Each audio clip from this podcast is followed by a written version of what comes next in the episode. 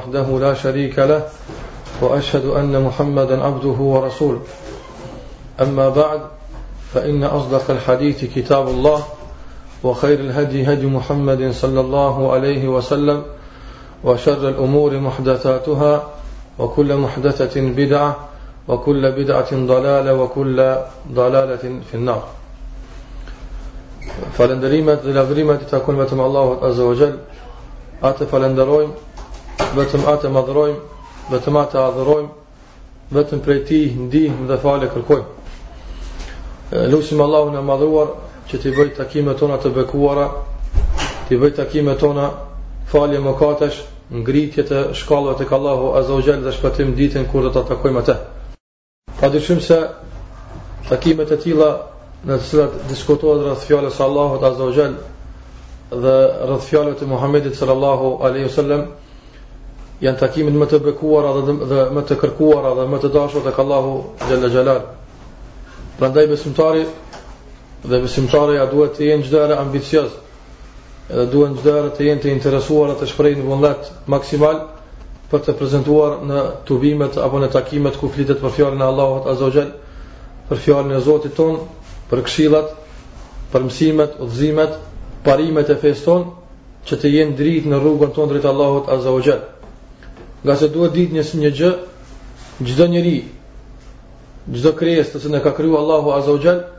prej kohës kur ka ardhë në këtë botë, ai faktikisht është duke ecur drejt Allahut azze ue xhel. E këtë çështje shumica e njerëzve nuk janë nuk janë të bindur dhe nuk janë të vetëdijshëm për këtë për këtë pikë. Ngase nëse e din se vazhdimisht je duke ecë drejt një qëllimi, Dhe e din se vazhdimisht je nis në një rrugë në të cilën nuk ka kthim. Nuk ke mundësi ta stoposh, nuk ke mundësi ta ndalësh. Mirëpo je i detyruar që çdo ditë të ecësh në këtë rrugë dhe përfundimi i kësaj rruge është takimi me Zotin tënd. Atëherë padyshim se njeriu i vetëdijshëm, njeriu i mençur, ai i cili ka logjikë të shëndoshë dhe mendon rreth këtij përfundimi, përgatitet për këtë takim me Zotin e tij, që të dal sa më i përgatitur, të dal sa më i gatshëm në përgjigjet e tij dhe në veprat e tij para Zotit të tij. Kështu që një herë një njeri e kishte takuar një dijetar të famshëm, Fudajl ibn Ijadin, dhe i kishte i kishte thënë si i ke punët ja Ebu Ali, domethënë si si qëndron o Ebu Ali, Atëherë, i tha mirë i kam punët, tha sa vite i ki, tha i kam 60 vite. Atëherë i tha, ti që 60 vite je duke ecur drejt Allahut azze ue xhel. Atë njeri u befasua dhe në një formë ndjeu në veten e tij një trishtim të caktuar, ngase u friksua nga kjo ecje dhe takim me Allahun azze ue xhel. Atëherë i tha, çka është zgjidhja ja Eba Ali, ngase që 60 vite jam duke ecë tek Allahu dhe nuk e di se si do të jetë përfundimi im me të, çka është zgjidhja, thotë, rregulloje atë që ka mbetur deri në takim, ta fal Allahu atë që ka kaluar. Prandaj nëse gjatë rrugës tonë drejt Allahut azze ue xhel, ka pasur ngecje, ka pasur gabime, ka pasur lëshime, ka pasur largim nga rruga e Allahut azze ue xhel, kjo assesi nuk do të thotë se njeriu duhet të shprehë pesimizëm edhe që pjesën e mbetur të rrugës ta kalon ashtu sikurse ka kaluar rrugën e parë, mirëpo duhet vazhdimisht të jetë ambicioz dhe duhet vazhdimisht të jetë i kujdesshëm që pjesën e mbetur të rrugës e cila i ka mbetë deri në takim me Allahun azze ue xhel, të jetë pjesë e rregulluar dhe pjesë ashtu sikur sa e kërkon Allahu, Allahu i madhruar.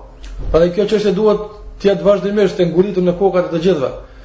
Se ndalje dhe stopim nuk ka. Çdo kush i cili ka ardhur në këtë botë është duke ecur drejt Allahut azza wa xhel. Sikur se thot Allahu në Kur'an, dhe se përfundimi i të gjithëve është tek Zoti, tek Zoti juaj. Do të thotë çdo kush do ta ketë përfundimin tek Allahu azza wa xhel, përfundimi i pashmangshëm, pra kjo rrugë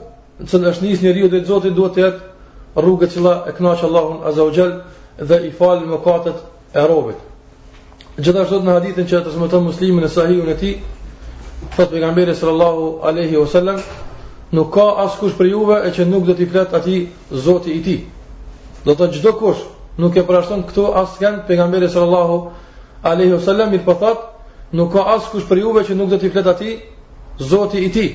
Lejse bejnehu ve bejnehu terxhuman. Nuk do të ketë mes tyre përkthyes, nga se Allahu i madhruar nuk ka nevojë për përkthyes, nga se ai i ka falë gjuhët dhe ai ua ka mësuar njerëzve gjuhët e tyre. E ky takim është i pashmangshëm do të thotë, qëndrim, paramendoje këtë qëndrim tëndin para Zotit tënd, i cili do të jetë në fund të kësaj rruge e cila është simbolizuar në jetën tënde në këtë botë. Prandaj duhet besimtarja Edhe besimtari vazhdimisht të jenë të interesuar që ta rregullojnë ecjen e tyre në këtë rrugë, që të jetë ecje stabile e qëndrueshme dhe gjithashtu e ndërtuar në në kënaqësinë e Allahut Azza wa Jall që përfundimi pastaj të jetë ashtu sikurse ka dëshirë Zoti jonë dhe sikurse kemi dëshirë edhe na vet. E në rrugën drejt Allahut Azza wa Jall Ka shumë mjete të cilat na ndihmojnë në këtë rrugë. Na ndihmojnë që të ecim sa ma shpejt dhe më sigurt në një anë, dhe në anën tjetër na ndihmojnë në eliminimin e pengesave të cilat na shfaqen vazhdimisht në këtë rrugë. Ngase sikurse çdo rrugë tjetër në këtë botë, që njeriu niset dhe të transferohet prej një vendi në një vend tjetër, duhet të dijë se fillimisht, dy çështje janë që duhet të jenë prezente në në sigurinë e arritjes së tij në vendin ku ku është nis. Fillimisht siguria e rrugës, të jetë rruga e mirë, e përshtatshme dhe e dyta të jetë e sigurt nga pengesat anësore që e pengojnë njeriun të arrijë deri tek qëllimi, deri tek qëllimi i tij. Prandaj e përmendën dijetarët sikurse është dijetari Ibn Qayyim rahimullah, i cili thotë se me të vërtetë mes ecjes së zemrës, nga se para kësaj e përmend Ibn Qayyim Allahu e mëshiroft, thotë se ecja tek Allahu azza nuk bëhet me këmbë,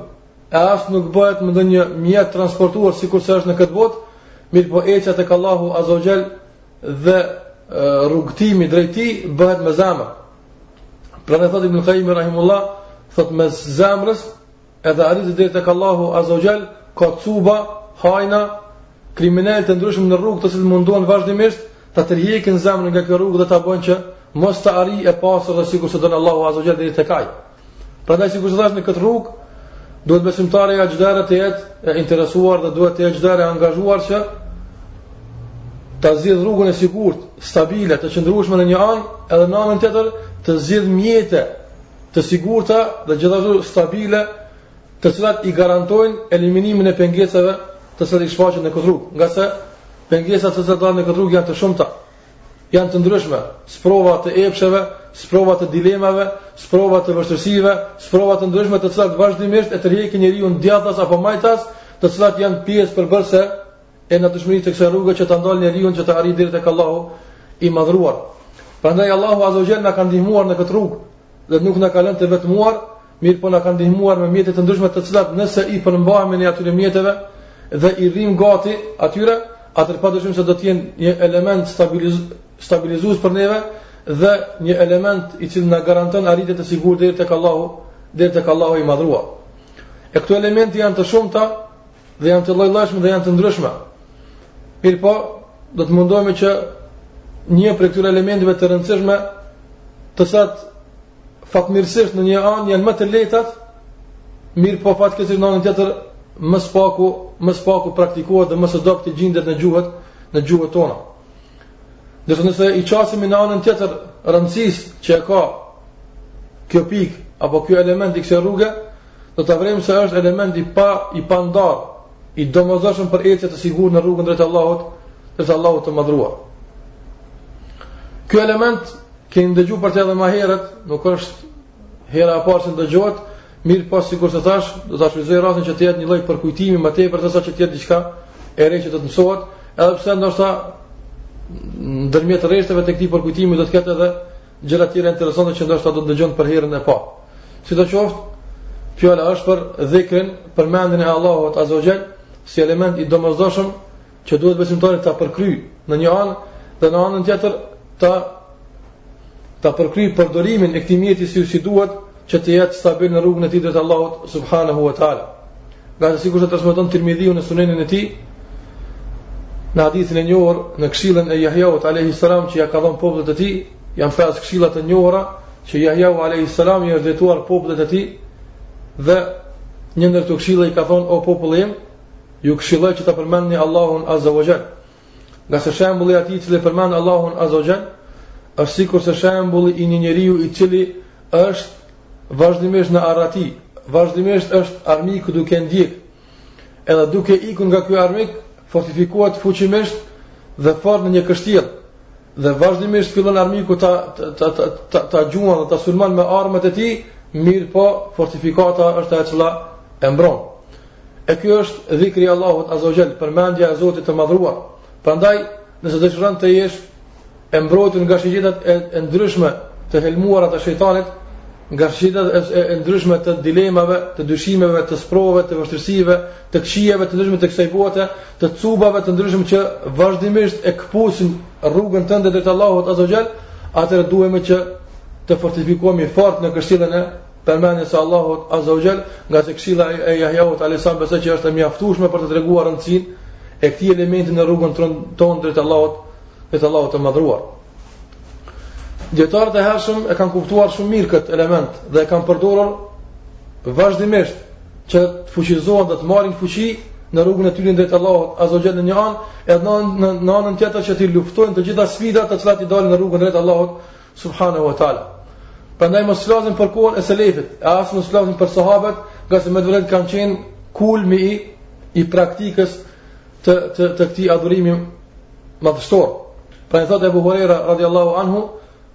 Thot, e mbaj mend deri në 12000 herë që kam thonë astaghfirullah në një ditë, e pastaj kam harru me një, me, me, me numëru. Do thot, Abu Huraira radhiyallahu anhu vetëm shprehjen astaghfirullah, o Zot më fal, e ka përdorur deri në 12000 herë në ditë, e pastaj thot, më është pështill numrimi, nuk kam numëru pas, pas sa herë. Për shkak se kanë kuptuar se ky element është i domosdoshëm, i rëndësishëm për për ecjen në rrugën e Allahut Azza wa Jall, e shikoni se sa është i lehtë në gjuhë, estagfirullah, as nuk kërkon lëvizje nga vendi, e as nuk kërkon lëvizje të gjymtyrëve, e as mund, e as lodhje, kërkon lëvizje simbolike të gjuhës, ndërsa garanton garanton siguri dhe stabilitet të hatashëm në rrugën e Allahut, të Allahut të madhruar. E raste të tjera të shumta, të cilat do të thotë i kanë përdorur selefi dhe janë të shënuara në librat e tyre. Ibn Qayyim rahimullah, dijetari i njohur, përmend një praktikë të të, mahnitëse të hoxhës së tij dhe mësuesit të tij, Sheikhul Islam Ibn Taymiyyah rahimullah. Ibn Taymiyyah rahimullah ka pas traditë që çdo ditë pas namazit të sabahit të ulet dhe të përmend Allahun azza jall deri afër kohës së drekës. Edhe kur e kanë pyetur nxënësit e tij për këtë adhurim që e bën kaq të shpesh dhe kaq gjatë dhe kaq me përkushtim të madh, thot Ibn Taymi rahimullah, "Hadhihi ghadwati wa in lam ataghadda lam ataqwa li yawmi." Thot pa dyshim se kjo është ushqimi im. Edhe nëse nuk e përdori këtë ushqim, nuk kam mundësi të mbledhi fuqi për ditën e sotme. E shikoni se si e ka përjetuar Ibn Taymi dhikrin përmendjen e Allahut Azza Jall, faktikisht sikur se na që e përjetojmë ushqimin. Prandaj fatkeqësisht shumica e adhurimeve tek ne nuk janë ngritur në shkallën e asaj që janë ngritur gjërat materiale. Pra sa herë për shembull në ditë e ndin shpirti nevojë se duhet me thon Allah ose duhet me thon subhanallahu, sikurse Ndodhë që habitesh me, me preokupime ditore, ndodhë që habitesh me, me probleme të ndryshme gjatë ditës, edhe harron me hongër bukë. Mirëpo automatikisht aktivizohet instinkti, ndjenja e kërkesës për ushqim, edhe pse truni është i angazhum dikun tjetër, trupi kërkon, kërkon ushqimin. Do me thanë të të shikojmë se sa herë shpirti e kërkon këtë, këtë ushqim të tij, e vërejmë se do të thotë ka shtresa të shumta që e pengojnë këtë, këtë kërkesë që duhet të, të pastrohet, e kur arrin shpirti në këtë shkallë, atëherë ashtu sikurse ushqimi, është do të thotë mjet i forcimit dhe mjet i mbledhjes së fuqisë për ditën e sotme për të punuar, për të angazhuar, për të kontribuar, ashtu edhe bëhet edhe përmendja e Allahut Azza wa Jall, fuqia e jotja faktikisht kur je i lodhshëm, thosh për shembull la haula wala quwata illa billah, dhikri i caktuar përmendja e Allahut e caktuar, thosh subhanallah, e ndin faktikisht shpirtërisht, seriozisht, sinqerisht e ndin se po të jap fuqi. Kjo është fuqia, fuqia e dhikrit për këtë dhe kur e ka kuptuar në këtë shkallë dhe ka praktikuar kështu Ibn Tejmije rahimullah, i ka këshillu nxënësit nxënësit e tij duke ju thënë se nëse nuk e praktikoj këtë ushqim, nuk ka mundësi të jem i fuqishëm, nuk mund të qëndroj në këmbë, nuk mund të Të vazhdoj rrugën time drejt Allahut, drejt Allahut të madhëruar. Ky është kuptimi real i përmendjes së Allahut, i përmendjes së Allahut subhanahu subhanahu wa taala. Prandaj dhe përmendja e Allahut azza wa jall sikurse do të vërejmë edhe në vijim, është ngushtë e lidhur edhe me dozën e dashurisë së Allahut që e ki ti në zemrën tënde. Ngase njeriu atë që e don, e shpeshton përmendjen, përmendjen e tij. Pra e thotë Ibn Kajjimi Rahimullah, sa ma tepër e përmend, përmendësi Allahun e madhëruar, aq ma tepër i shtohet dashuria ndaj tij, edhe aq ma tepër i shtohet përmallimi për takimin me te. E këto dy komponente janë shumë të rëndësishme në rrugën drejt Allahut, Azza wa Jall. Dashuria ndaj Allahut edhe përmallimi për takimin me te. Paramendo një të afërm tënd që s'e ke pa me vite të tëra. Si e ndin shpirti përmallimin për me për me pa? E ndin. E ndin domethënë veten e vet, e ti e ndin këtë ndjenjë, çdokush e ka përjetu përmallimin edhe mallin që ka njeriu për me pa të afërmin e tij. Sa herë për shembull në vit, s'po them brenda muajit ose brenda ditës, të vjen ky mall e ndin këtë këtë ndjenjë në në në, në shpirtin tënd për t'u takuar me Allahun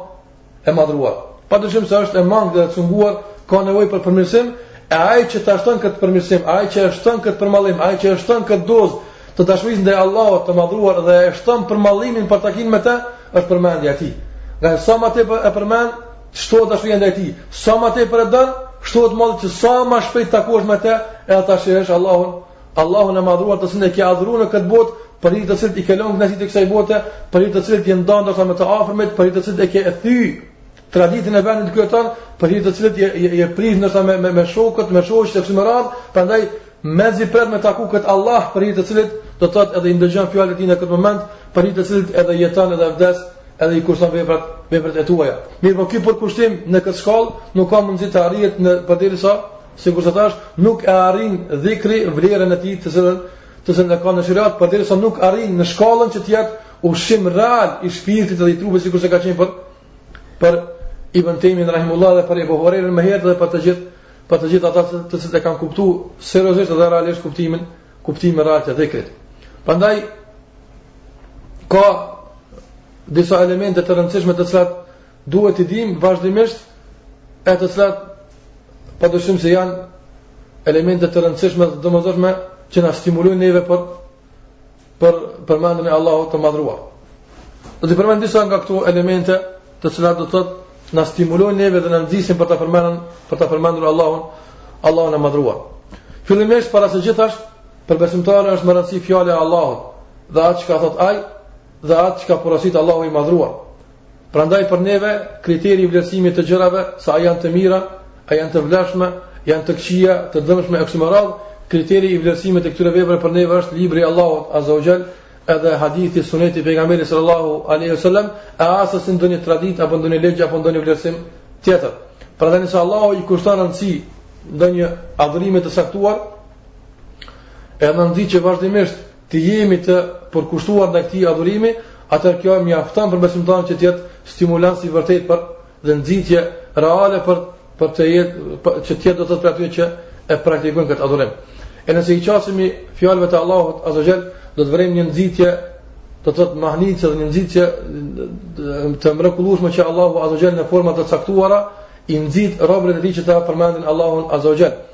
E ndoshta prej këtyre nxitjeve më madhështore dhe më përmalluese dhe më joshëse, të cilat e nxisin besimtarin që ta përmend Allahun azza xal, është garancia e Allahut se nëse ti e përmend atë, ai të përmend ty. Pra e thotë Allahu azza xal, "Fadhkuruni adhkurkum." Më përmendni ju mua, unë ju përmend juve. Prandaj paramendoje këtë, emrin tënd, ta përmend Zoti i i i, i gjithësisë, ta përmend ai i cili ka çdo send në dorën e tij, Paramendoje këtë këtë çast kur ti e përmend Allahun Azza wa Jall në ndonjë mes të krijesave që janë mëkatar, në ndonjë mes të të krijesave që janë gjynahqarë, në në, në ndonjë mes të krijesave që ndoshta nuk meritojnë të ngriten në shkallën që ta ndëgjojnë fjalën e Allahut Azza wa Jall, E Allahu ta kthen kët përmendje ty dhe të përmend në mesin e Xhibrilit, në mesin e Mikailit e Israfilit e melaikeve të mëdhaja, në mesin e krijesave më të dashura tek Allahu Azza Jall, në qiejt e Allahut Azza Jall ndëgjohet emri yt. Prandaj kjo është padyshim një një, një stimulans i hatashëm që mos të ishte as ndonjë nxitje tjetër për këtë Besoj që do të mjaftonte që të jetë nxitje që besimtari të jetë vazhdimisht i përkushtuar ndaj përmendjes së Allahut të madhruar qoftë në vetmi apo qoftë në shoqëri apo qoftë kudo që që të gjindet. Pra fedhkuruni edhkurkum. Më përmendni ju mua, unë ju përmendi, unë ju përmendi juve. Pra njeriu sa i bëhet qejfi nëse ndonjë gazetë e caktuar që ka tirazh të madh, ia përmend emrin e tij pozitivisht si një njeri të suksesshëm në jetë, si një njeri që ka kontribuar për popullin e tij e kështu me radhë, Sa i bëhet qejfi nëse vetëm një gazetë e thjesht ia përmend emrin e tij, e ruan bile pjesë të gazetës, e pren, e mban në në ndonjë fiok të caktuar, edhe me vite me vite ndoshta edhe nipëve të tij ia qet po thotë ja kontributi im se kur më ka përmend filan gazeta në në gazetën e vet. E çka atëherë mendon për përmendjen e Zotit,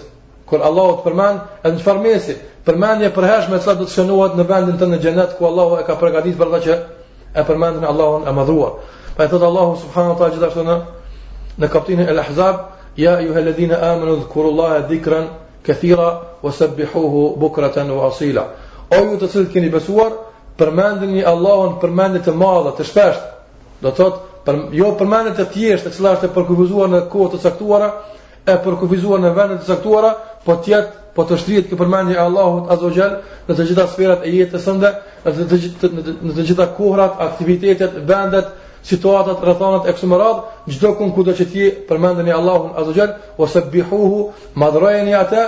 pastrojeni atë nga çdo të metë, bukraten Ue asila duke filluar nga mëngjesi kur të ngriteni e deri në kohën kur të bini me fjet natën.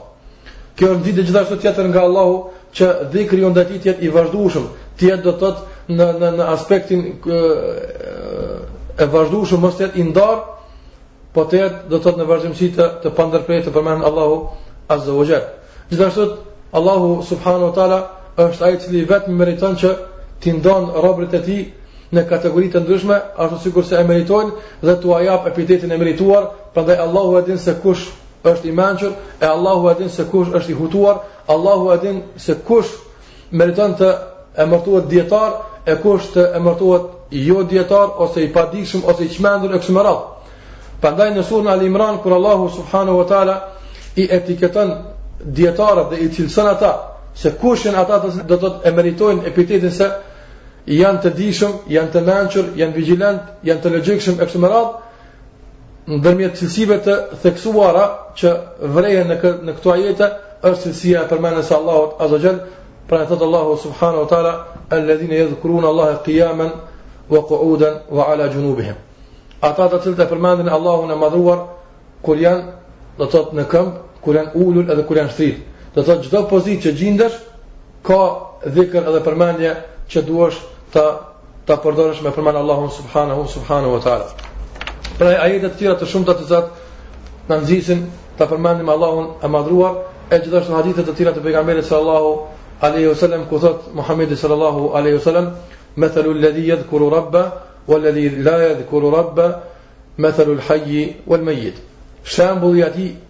i cili e përmend Allahun e Madhruar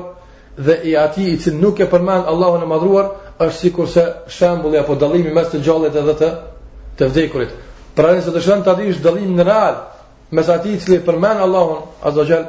është përkushtuar këtij adhurimi dhe atij i cili është do të thotë neglizhent ndaj këtij adhurimi dhe nuk e përdor as pak në jetën e tij, është sikurse shembulli që njerëzit e dinë dallimin dallimin real dhe faktik mes të gjallit edhe të të vdekurit, ngase nuk ka mundësi të barazohen atë të bashkohen ata të cilët i lëvizin gjuhët e tyre, janë të gjalla gjuhët e tyre, janë të gjalla zemrat e tyre përmendin Allahun, edhe ata të cilët nuk din gjuha e tyre të thotë fjalën Allah ose astaghfirullah ose subhanallah ose dhikër të të caktuar. Prandaj nëse dëshon që të transferohesh prej grupit të të vdekurve dhe të kalosh në grupin e të gjallëve real, Atëherë elementi kryesor i cili i cili ta mundson dhe ta garanton një një transferim të tillë është përmendja e Allahut, përmendja e Allahut të madhruar. Gjithashtu duhet ta dijë besimtari sikurse thashë edhe më herët se duhet ky dhikr të jetë i vazhdueshëm. Do të thotë që mos të jetë i përkufizuar në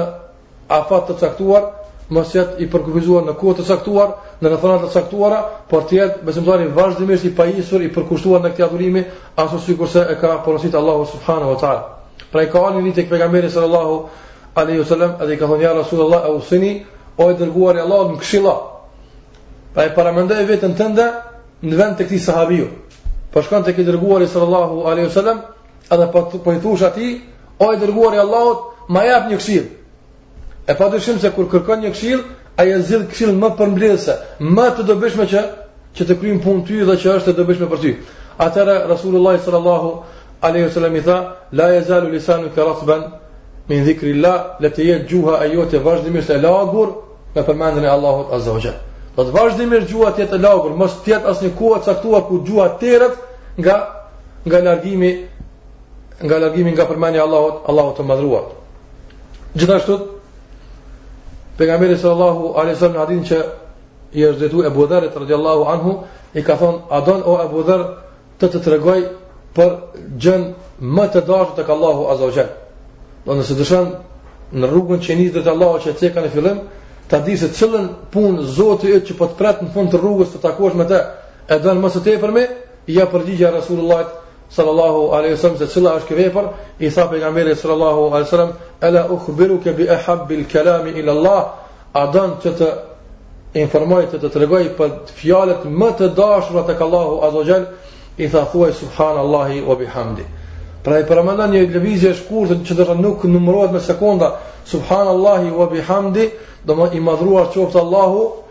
Dhe atij i takon falënderimi me këtë dhikr të shkurtër, këtë përmendje të Allahut të shkurtër, ti arrin të arrish do të thotë të përmendësh fjalën më të dashur që don Zoti, Zoti i yt Allahu, Allahu i madhruar. Gjithashtu pejgamberi sallallahu alaihi wasallam flet për vlerën e dhikrit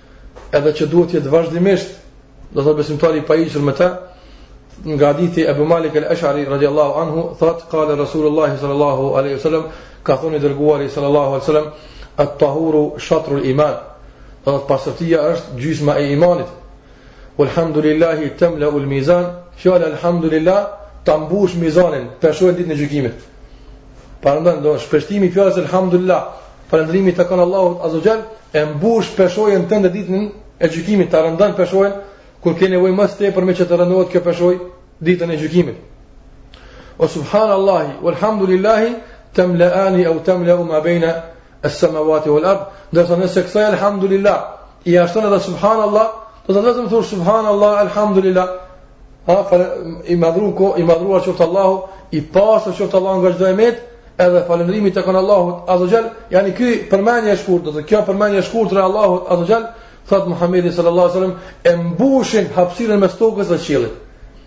Sa është hapësira mes tokës dhe qiellit? Hapësira e hatashme, nuk ke mundësi me pasurinë e dunjas, me mbush, as me dheun e saj, as me detin e saj, as me asgjë. Mirëpo Allahu nga mëshira e tij, nga rahmeti i tij ta mundson që me një lëvizje të shkurtër simbolike të gjuhës tënde ta mbushësh hapësirën që është mes teje edhe edhe qiellit mes tokës, edhe qiellit prandaj kjo vlerë e hatashme që arrin muslimani me përmendje Allahu azza xhal, nuk duhet të jetë neglizhent dhe të jetë i hutuar nga ky adhurim, po duhet që vazhdimisht të jetë në në kontinuitet, në vazhdimësi të përmendjes së Allahut të madhruar. Pra Allahu subhanahu wa taala kur flet për dhikrin në Kur'an,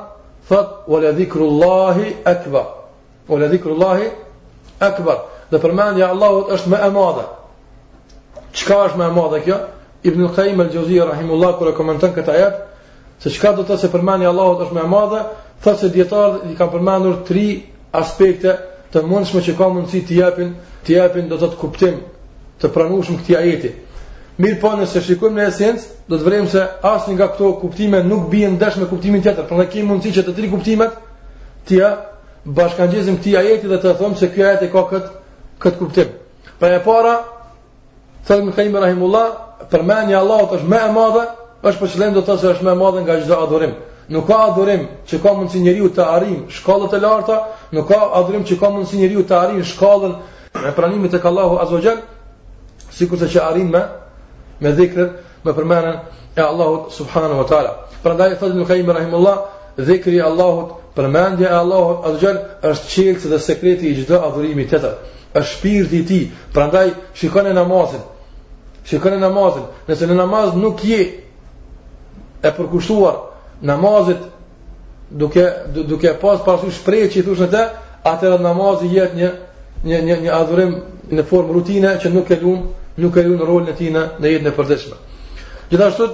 kuptimi i dytë pse është adhurimi i Allahut më i madh, thotë Ibn Qayyim rahimullah, është më i madh ngase sot që të përmendni ju Allahun, përmendja e Allahut ndaj juve është më e madhe. Dhe ti e përmend Allahun azza wa jall, E kjo përmendje jote ndaj Allahut azza jall të shkakton ty diçka shumë më të madhe se kjo përmendje që është që Allahu me të përmend ty. Kjo është kuptimi i dytë, edhe kuptimi i tretë, sikur thotë Ibn Qayyimi e ky kuptim është i domosdoshëm për jetën tonë, edhe është më i rëndësishmi për praktikimin e fesë në kohën tonë, në mjedisin tonë, në mesin ku gjindemi ne, prandaj është me rëndësi që të mbahet mend se sa i rëndësishëm është dhikri e kuptojmë në bazë të këtij Komentit të këtij ajeti që e përmend Ibn Qayyimi rahimullah, pjesën e tretë të këtij komenti do thotë se përmendja e Allahut azza wa jall është më e madhe se sa që të jetë në shpirtin tënd apo apo në praktikën tënde ndonjë e metë apo ndonjë e keqe.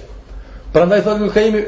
me me, me përkthy shqip këtë fjalë të Ibn Qayyimit rahimullah ose si si ka mundësi me kuptu, thotë Se nuk ka mundësi që përmendja e Allahut Azza wa Jall do të thotë të gjindet afër haramit, afër të keqës që e bën ndonjë njeri. Prandaj aq është e madh, aq është është e lartë, aq është e pas, aq është e ndershme. Përmendja e Allahut Azza Jall sa që e shkrin çdo çdo mëkat, çdo të keqe që gjindet në afërsi të të besimtarit. Prandaj edhe ky kuptim, edhe këtë kuptim e fuqizon edhe vet ajeti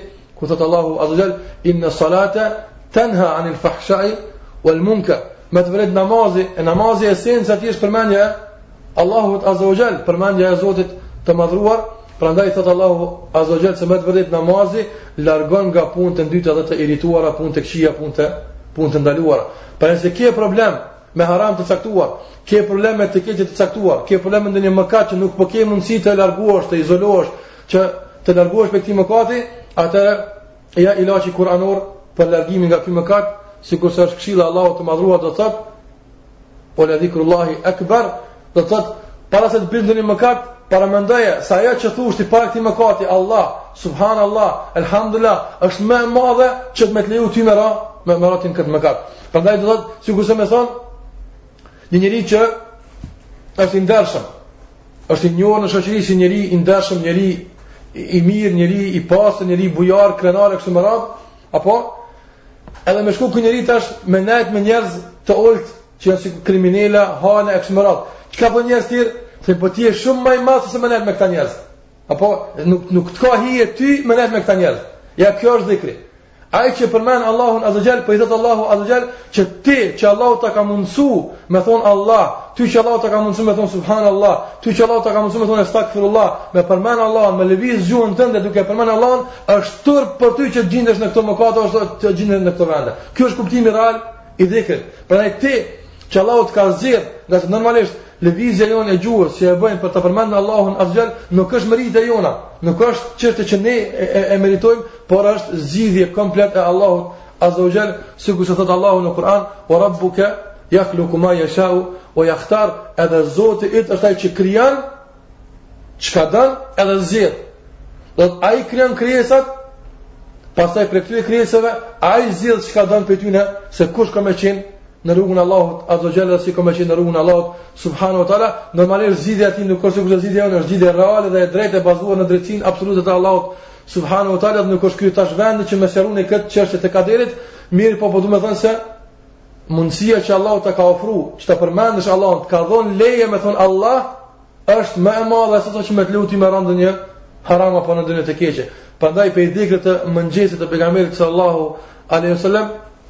është edhe pjesa e dhikrit të tij ku thotë, kur e falendron Allahun për të mirat e shumta thotë, wa edhine li bi dhikrihi, edhe më ka mundësuar, më ka lehtësuar, më ka dhon leje që ta përmendi unë Allahun, Allahun e madhruar. Prandaj Allahu ta ka mundësuar ta përmendish atë, e kjo mundësi që Allahu ta ka dhon është turp që të shoqërohet me ndonjë mëkat, me ndonjë të keqe, me ndonjë shmangie nga rruga e Allahut subhanahu teala, pra nga ky aspekt dhikri i Allahut është shumë më i madh, shumë më i lartë, shumë më i ngritur, shumë më i ndershëm se sa që të lejon ty me me ranë në shkallë të ulta të, të mëkatit apo në grackat, në grackat e shejtanit. Gjithashtu ajo çka e, e fuqizon edhe jep fuqi dhikrit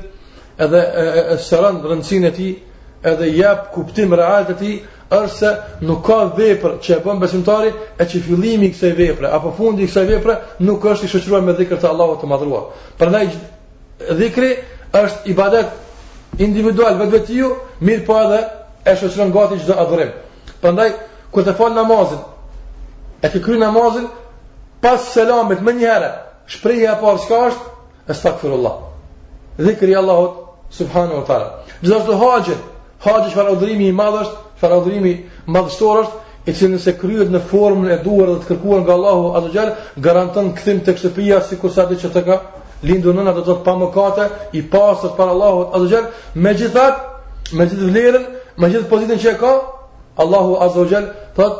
fa idha afadtum min arafatin fadhkurullah. Edhe kur të largoheni nga Arafati, do të thotë kur kur kur të kryeni shtyllën, bazën, esencën e haxhit që është qëndrimi në Arafat, që pa të nuk ka haxh, fadhkurullah. Përmendni Allahun azza xhal vazhdimisht. Do thotë Arafati Është e vërtetë se është me pozitë, ka peshë, është adhurim i madh tek Allahu Azza Jall, mirëpo dhikri i Allahut, Arafati përfundon. Arafati përfundon, fillon do të thotë me kohën kur të anon dielli nga nga nga nga zeniti fillon prej kohës së, së, së drekës e deri në kohën e perëndimit të diellit e ka këtë kohë të caktuar prandaj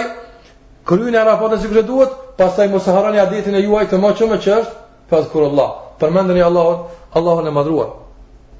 Gjithashtu edhe për namazin e xhumasë, kur Allahu azza wa jall na mëson për xhumanë, thotë fa idha qudiyat as-salatu fantashiru fil ardi wabtaghu min fadlillah wadhkuru Allaha kathira. Edhe kur të përfundon namazi, atëherë shpërndahuni nëpër tokë, shpërndahuni në mjediset rrethet ku jetoni, kërkoni nga begatitë e Allahut, do thotë shko punoni, kërkoni rizk Nuk ndalon Allahu nga kjo, mirëpo duke kërkuar rizk, wadhkurullaha kethiren, përmendeni Allahun shpesh. Do thotë vazhdimisht, mos ju habit juve kërkimi i rizkut, mos ju habit juve kërkimi i, i furnizimit në këtë botë, punë të ndryshme nga përmendja e Allahut, nga përmendja e Allahut të madhëruar. E ai që e mëson gjuhën e tij të përmend Allahun azza xhal, atëherë edhe në çastet kur nuk ka vetëdije, Allahu ia lëviz gjuhën që të përmend Allahun subhanahu subhanahu wa taala, sikur është edhe do të thotë momenti më kritik dhe më më i rëndësishëm për njeriu, ajo është ndarja nga kjo botë kur është i preokupuar do të thotë me sëmundjet e tij, me telashet e tij, me brengat e tij, dhimbjet e tij, Allahu azza wa automatikisht ia lëviz gjuhën e tij që të jetë ndarja e tij nga kjo botë me fjalën la ilaha illa allah muhammedur rasulullah, ndërsa ai që nuk e ka mësuar gjuhën e tij që të jetë e tillë, ta përmend Allahun azza wa jall, sikurse e ka një dietar i njohur Ibn Jauzi e ka emrin, e ka një libër që quhet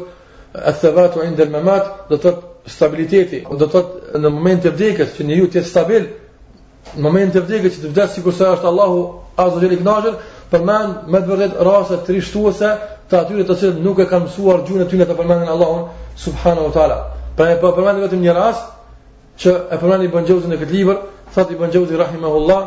thotë se kanë prezentuar disa dietar tek një njeri tregtar që ka qenë dhe vazhdimisht i kanë thonë la ilaha illallah, la ilaha illallah, që ta përkujtojnë që të thotë la ilaha illallah, ndërsa ai vazhdimisht ka thonë do të thotë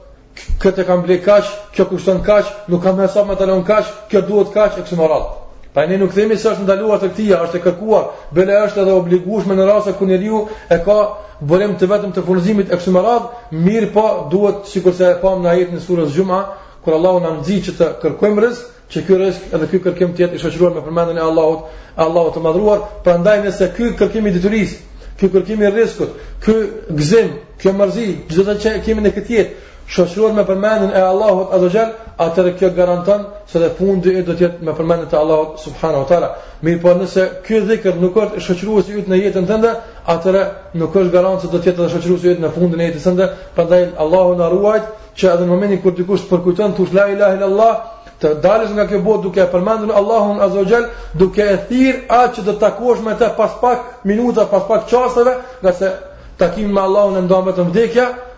Atëherë, normalisht historia jote, biografia jote e kaluar të pengon ty që gjuha të lëviz në përmendjen e Allahut të madhruar, mirëpo përmend atë që ke për, që me cilën je i preokupuar, je i preokupuar në këtë jetë, e pa dyshim se nëse nuk e përmend Allahun azza xhel, edhe takimi me të nuk do të jetë, nuk do të jetë i këndshëm. Rreth dhikrit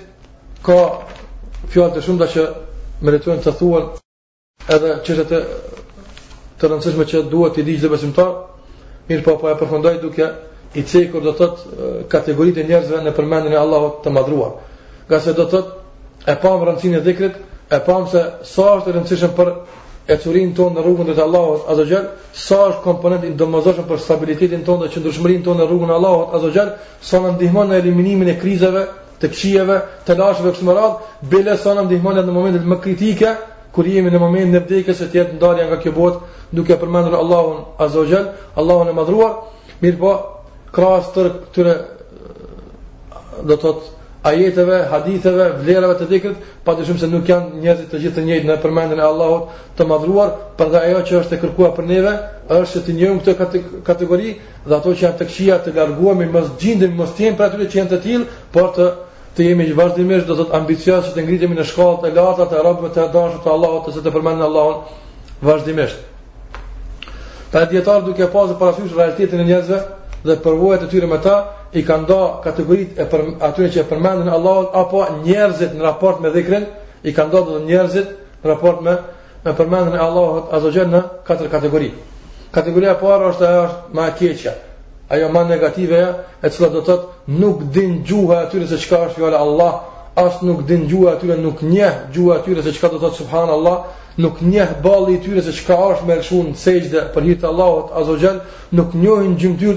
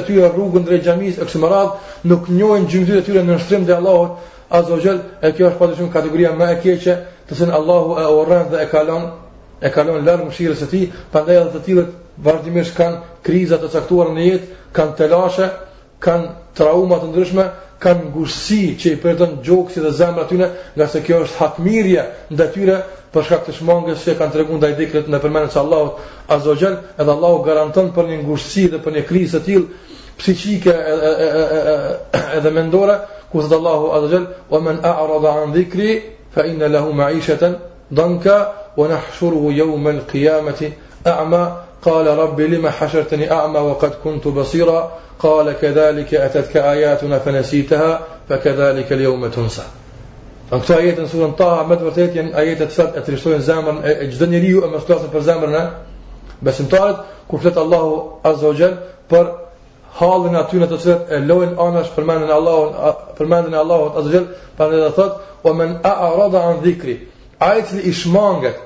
komplet, totalisht, apo edhe edhe nëse nuk e kryen në mënyrën e si, si duhet, ai që i shmanget përmendjes së Allahut azza jall, në këtë botë Allahu i garanton jetë të ngushtë, jetë me probleme, jetë me kriza, jetë jo me lumturi reale,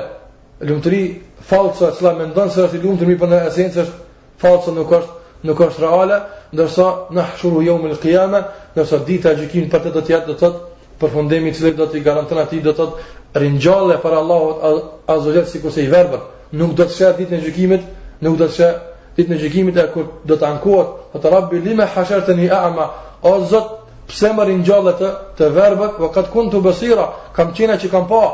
Thotë Allahu azza wa jall, kedhalike etetke ajatuna fe nesiteha, kështu të vishin argumentet e Allahut vazhdimisht, e i ke harru, i ke lënë anash, je shmang nga libri i Allahut, je shmang nga fjala e pejgamberit sallallahu alejhi sallam, je shmang nga thirrja e namazit, je shmang nga thirrja e mbulesës, je shmang nga thirrja e largimit nga mëkatet, vazhdimisht je largu nga kjo, je shmang, je tregu harrestar, i pakujdesshëm,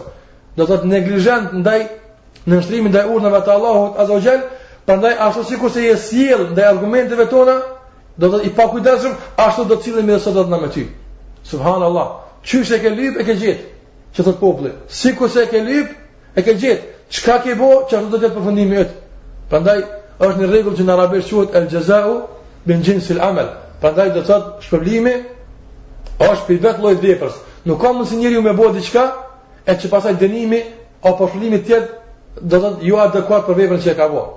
Mirëpo do të jetë edhe shpërblimi edhe ndëshkimi komplet adekuat do të thotë konform vet veprës që e ka bo njeriu. Pra sikur se kur është thirr hayy ala sala, eja në namaz, je tregu neglizhent, nuk je përgjigj thirrjes së Allahut azza wa jall. Thirret për me mbulu, thirret për me për me mbulu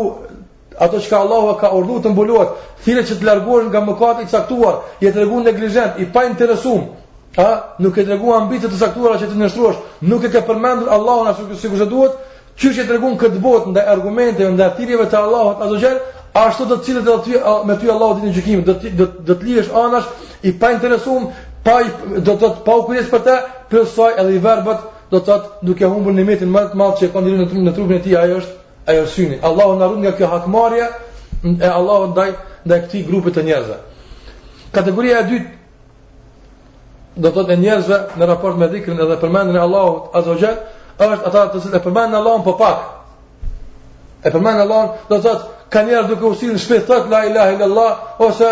në Ramazan ose ditë të caktuara ose kohë të caktuara kështu më radh, mirëpo ky dhikr nuk ka pjesëmarrje aktive në jetën në jetën e tyre, edhe nuk është ajo e cila ndikon pozitivisht në ndryshimin e jetës e jetës e tyre, në nënshtrimin e tyre ndaj Allahut subhanahu wa taala. Prandaj prej cilësive kryesore dhe më të theksuara të munafikëve të dyftyrshëve është se ata e përmendin Allahun pak. Prandaj thot Allahu azza wa jall wa idha qamu ila salati qamu kusala edhe kur të ngriten për të fal namaz Pra ngriten me përtaci, për shkak njerëzve, se janë gjetë me një mes, janë gjetë me një, me një në rrethana të caktuara, që ua imponon me u ngrit me u fal, prandaj ngriten për sytë njerëzve me përtaci të, të madhe dhe maksimale, edhe kur e përshkruan Allahu namazin e tyne thotë, wala yadhkurun Allaha illa qalila e nuk e përmendin Allahun vetëm se pak Vetëm se pak, kur janë zor, kur kanë nevojë për diçka ose kur janë në mes që kërkohet me përmend Allahu, po ndryshe përmendja e Allahut nuk gjen rrugë deri tek gjuhët e tyre, Allahu na ruajt që të jem që të jemi prej tyre. Kategoria e tretë e njerëzve në raport me përmendjen e Allahut azza wa jall është kategoria e atyre njerëzve të cilët e përmendin Allahun sahi, mirëpo e përmendin Allahun vetëm me gjuhët e tyre, nuk kalon kjo përmendje deri në zemrat deri në zemrat e tyre. Për shembull, ka dikush pa dyshim që e bën për shembull dhikrin, përmendjen e caktuar të mëngjesit ose të akşamit që bëhet mas namazit të ikindis që ka vënë pejgamberi sallallahu alaihi wasallam që ta mbron Allahu gjatë natës dhe gjatë ditës, e thotë këtë dhikr, mirëpo, e thotë dhikrin duke shikuar televizor. E thotë dhikrin duke lexuar diçka, e thotë dhikrin duke blerë diçka, e thotë dhikrin duke ndëgjuar diçka, kështu me radhë, pra gjuha sahi lëviz me përmend Allahun azza Mirëpo zemra është e preokupuar edhe i është kushtuar diçkaje tjetër, e padyshim se ky,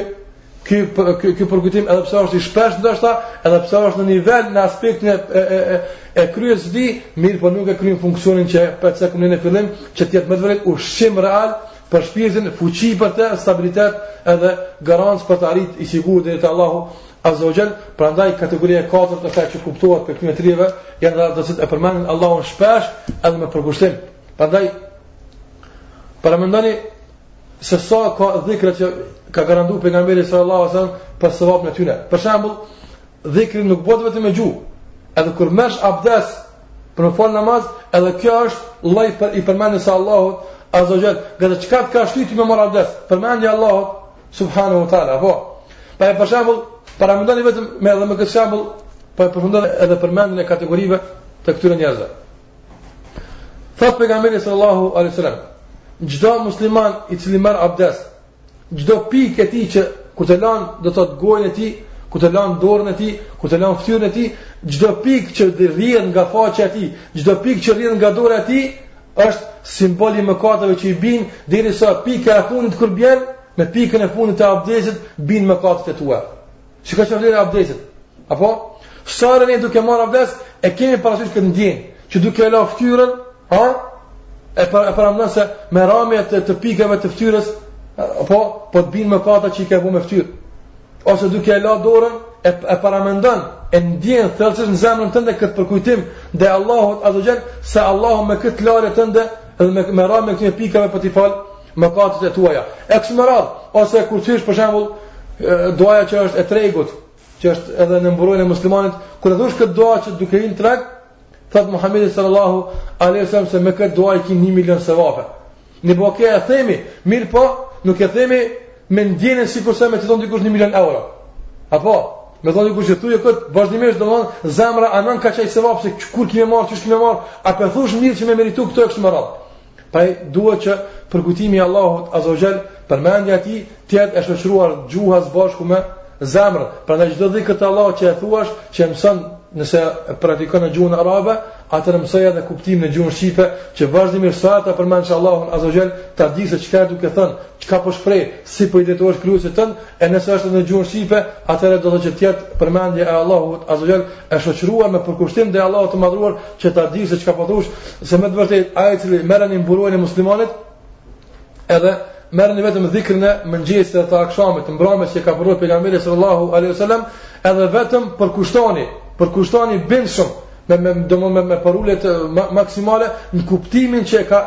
e, e, e do thot e, e asaj përmendje që ka përmend pejgamberi sallallahu alaihi wasallam e ka përdor, do të vëreni se çfarë kuptime të larta Përmban në vete ky dhikër, që sa herë e kemi thënë mirëpo ndoshta, nuk ka gjet rrugë deri tek zemra, për atë arsye edhe shpeshherë, do të thotë na dimë me u anku se jemi që 5 vite në islam, që 2 vite, që 3 vite, e kështu me radhë në islam, mirëpo, ndoshta gjendja jonë në islam, nuk ka ndryshu shumë me gjendjen e kaluar që kemi qenë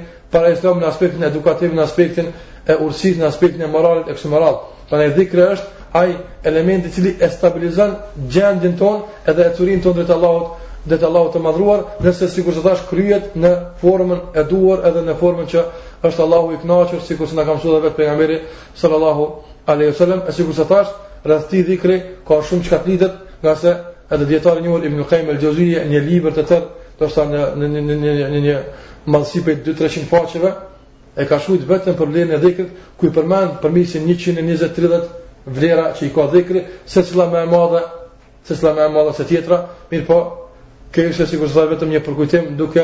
e pas parasysh fjalën e Allahut azza jalla ku thot wa dhakkir fa inna dhikra tanfa'u almu'minin dhe përkujto ti ngase përkujtimi i bën dobi besimtarëve e pasi që ne jemi të gjithë alhamdulillah besimtar dhe kemi parasysh vlerën e fjalëve të Allahut azza xal besoj se ky përkushtim ndaj dhikrit do të na garanton inshallah stabilitet edhe rritje të imanit edhe falje të mëkateve e me kaq po e përfundojmë wa sallallahu ala muhammedin wa ala alihi wa sahbihi wa sallam tasliman kathira